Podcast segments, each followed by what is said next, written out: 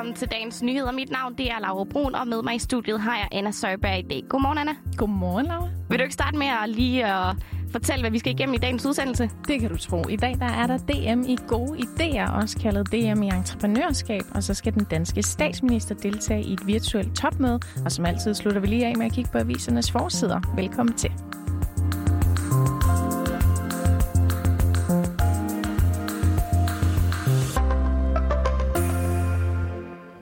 Og jeg vil starte med at spørge dig, Laura. Har du en god idé, der vil kunne blive til en virksomhed i morgen? Og øhm, der føler jeg lidt, du tager mig med bukserne ned. det er ikke lige noget, jeg kan prale af, vil jeg sige, lige sådan, når du spørger mig lige her. Nej, det er også helt i orden. Fordi det er der faktisk en masse unge mennesker fra ungdomsuddannelser over hele landet, der har. Og de skal faktisk til DM i entreprenørskab i dag. Og her der kan du høre fra Christian Wintergaard, der er administrerende direktør i Fonden for Entreprenørskab. Det er altså dem, der afholder det her DM.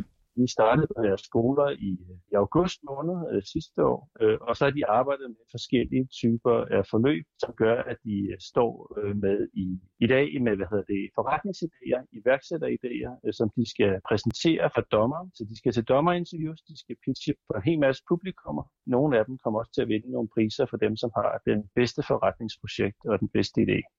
Ja, det hele det løber af stablen i dag, hvor 155 deltagere, der har kvalificeret sig ved regionale mesterskaber, de skal pitche deres idéer og til dommerinterviews. Og ved slutningen af dagen, der skal fire finalister så pitche deres idéer i håb om at vinde første præmien, der består af 18.000 kroner og en tur til EM.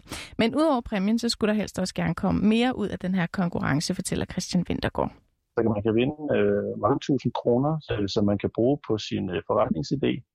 Men vigtigst af alt, så kan man i virkeligheden også vinde øh, erfaringen ved at være gået så langt.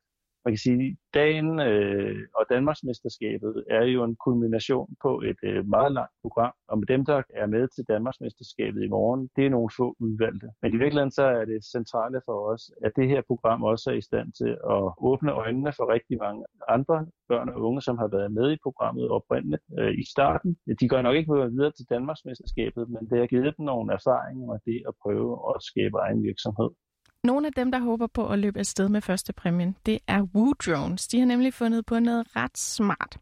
For Laura, kender du det her med, at flyvehavren på din mark, den er lidt bøvlet at finde?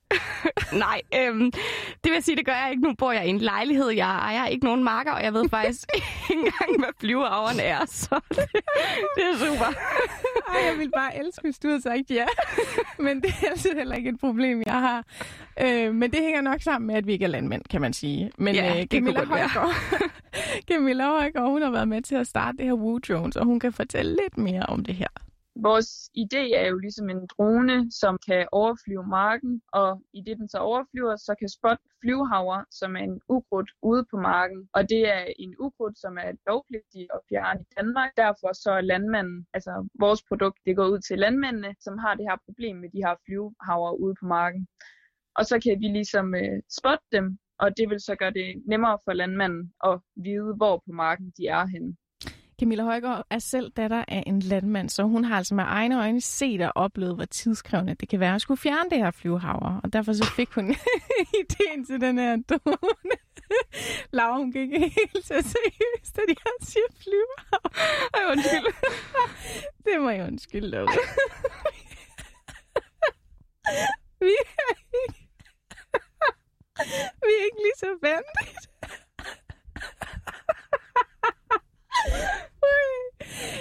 Det tidlig morgen. Vi prøver lige. Mo Jones her, de har allerede deltaget.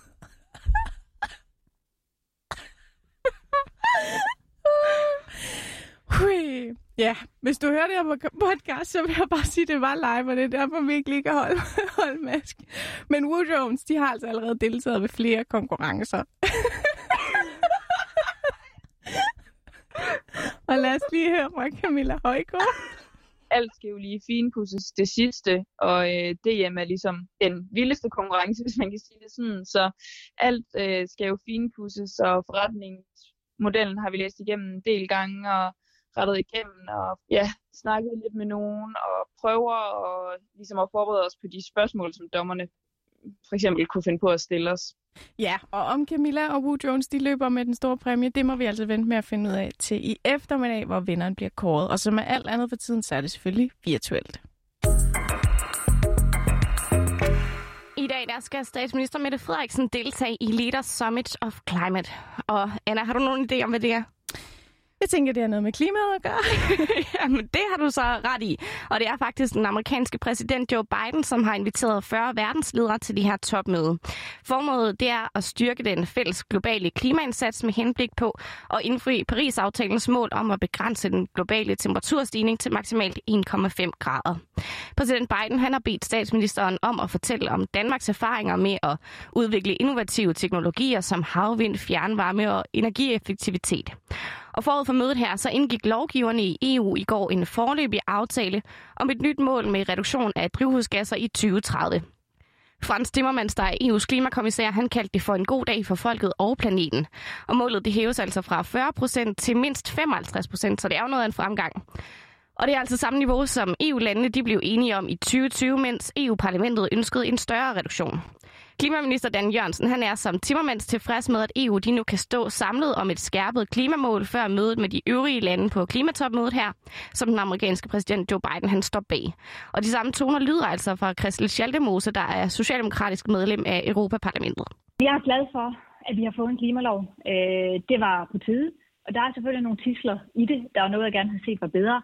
Men jeg er rigtig, rigtig glad for, at vi har fået øh, en klimalov, og der er lavet en politisk aftale. Så, øh, så jeg, er, jeg er overvejende glad. Ja, der er altså tale om en markant skærpelse af klimamålet, som i dag hedder 40% reduktion målt ud fra niveauet i 1990, som er standard i FN. EU-parlamentet havde et ønske om en reduktion på mindst 60% men der er altså flere EU-lande, som i forvejen mener, at 55% det er den absolute smertegrænse, som de kan acceptere. Og der er flere ting, der gør, at Christel Schallemose hun er glad. Der er mange ting i det her, fordi vi får sat et mål for EU om, at vi i 2050 skal være klimaneutral. Det havde vi ikke i forvejen. Vi hæver øh, vores 2030-klimamål, øh, altså det her CO2-reduktionsmål. I Danmark skal vi reducere med 70 procent, men på europæisk plan, der har vi nu aftalt, at det skal være med mindst 55 procent. Og det er et stort øh, skridt fremad i forhold til, hvad vi har i dag, hvor den kun er på 40. Og det her, det betyder, at vi kommer til at skulle øh, gøre rigtig meget for at beskytte vores klima. Det er også nødvendigt. Og så er jeg glad for, at vi får et klimaråd, øh, med nogle eksperter, der skal sidde og, og lave rapporter og følge, hvad, hvor langt når vi, hvordan går det med os i EU. Og de skal ovenikøbet sidde i København, de her øh, medlemmer af Klimarådet, så det er jo også en god lille ting øh, for Danmark. Og, øh, og så kommer vi også til at få lavet budgetter, øh, det lyder sådan lidt teknisk, men om øh, vores øh, drivhusgasudledning osv. Et af de vigtigste stridspunkter i forhandlingerne har været spørgsmålet om, hvorvidt og i hvilket omfang de mængder af CO2, som er lagret i skove, planter og jord, de skal medregnes. Men det, som EU har forpligtet sig på, det er altså ikke engang det, som Danmark har forpligtet sig på at reducere. Jeg havde jo også gerne set, at den var væsentligt højere. Men jeg tror også, man skal huske på, at udgangspunktet er, at der sidder rigtig mange lande i EU, som er vildt sorte, øh, som stadigvæk primært har kulproduktion, øh, til at levere strøm øh, og, øh, og så videre, som slet ikke er kommet i gang med nogen som helst øh, klimaomstilling. Og for dem er det et kæmpe, kæmpe skridt øh, overhovedet skulle komme i gang. Og de har holdt igen.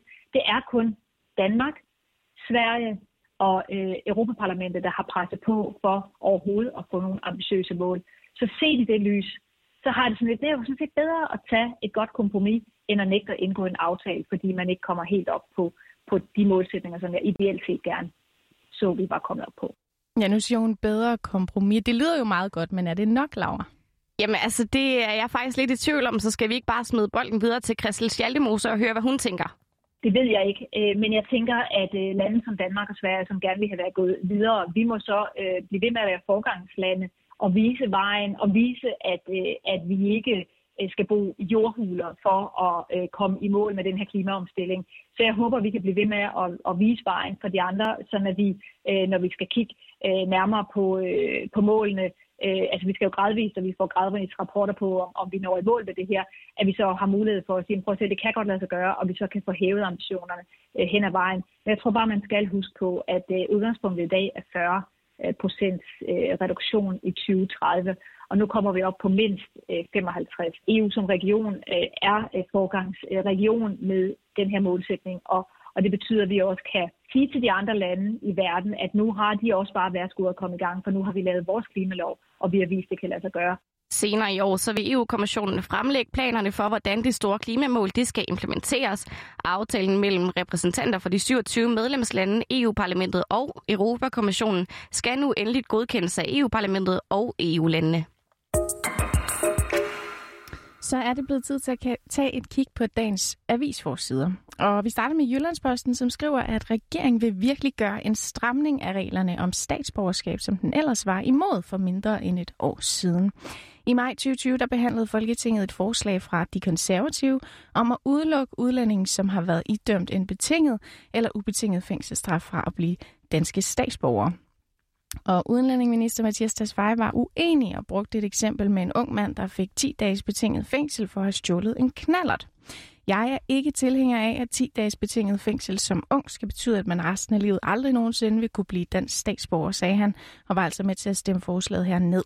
Alligevel så har regeringen indgået en politisk aftale med VK og LA om netop det, og enhedslisten langer ud efter ministerens zigzag-kurs, som de kalder det. Mathias Tesfaye medgiver, at regeringen har flyttet sig, men han understreger, at Folketinget kan dispensere fra hovedreglen og i særlige tilfælde give statsborgerskab til udlændinge med fængselsdommen. Og hvad har politikken på forsiden, Laura? Jamen, øh, mediet skriver, at der er mistanke om svindel i en række lægehuse rundt om i landet. For ifølge politikken, så har to læger fra en klinik i Svendborg i hvert fald fået frataget retten til at drive lægepraksis som følge af deres uretmæssige opkrævninger. Det fremgår af en agtindsigt, som politikken har fået i et referat. I referatet her så lyder det, at der er blevet fremlagt dokumentation for, at lægen havde afregnet videokonsultationer øh, undskyld, videokonsultationsydelser eller almindelige konsultationer, altså de fysiske, selvom konsultationerne alene var gennemført via telefonen. Og i nogle tilfælde så havde lægen faktisk også afregnet ydelser, selvom der ikke var fundet konsultationer sted. Lægen han erkendte i en mail til Region Syddanmark, at der var blevet fundet bedrageriske uregelmæssigheder sted, og at øh, det er blevet startet for tre år siden. Og det er altså de praktiserende læger selv, som skal registrere, hvilke ydelser der er blevet gennemført. Forskellen mellem en telefonkonsultation konsultation og en fysisk konsultation er i aktuelle takstabel på 118 kroner, så der er altså alligevel lidt at tage og føle på her. Og ifølge politikens oplysninger, så er det altså et spørgsmål om tid før sagen den overdrages til politiet med en svindelmistanke. Overfor avisen så meddeler lægerne via deres advokat, at de ikke har nogen kommentar. Med det så nåede vi til vejs ende af den her udgave af dagens nyheder. Udsendelsen var tilrettelagt af Jonas Emil Jakobsen, Rassan El Nakib og Julie Vestergaard. Og din værter, det var mig, Laura Brun og Anna Søjberg.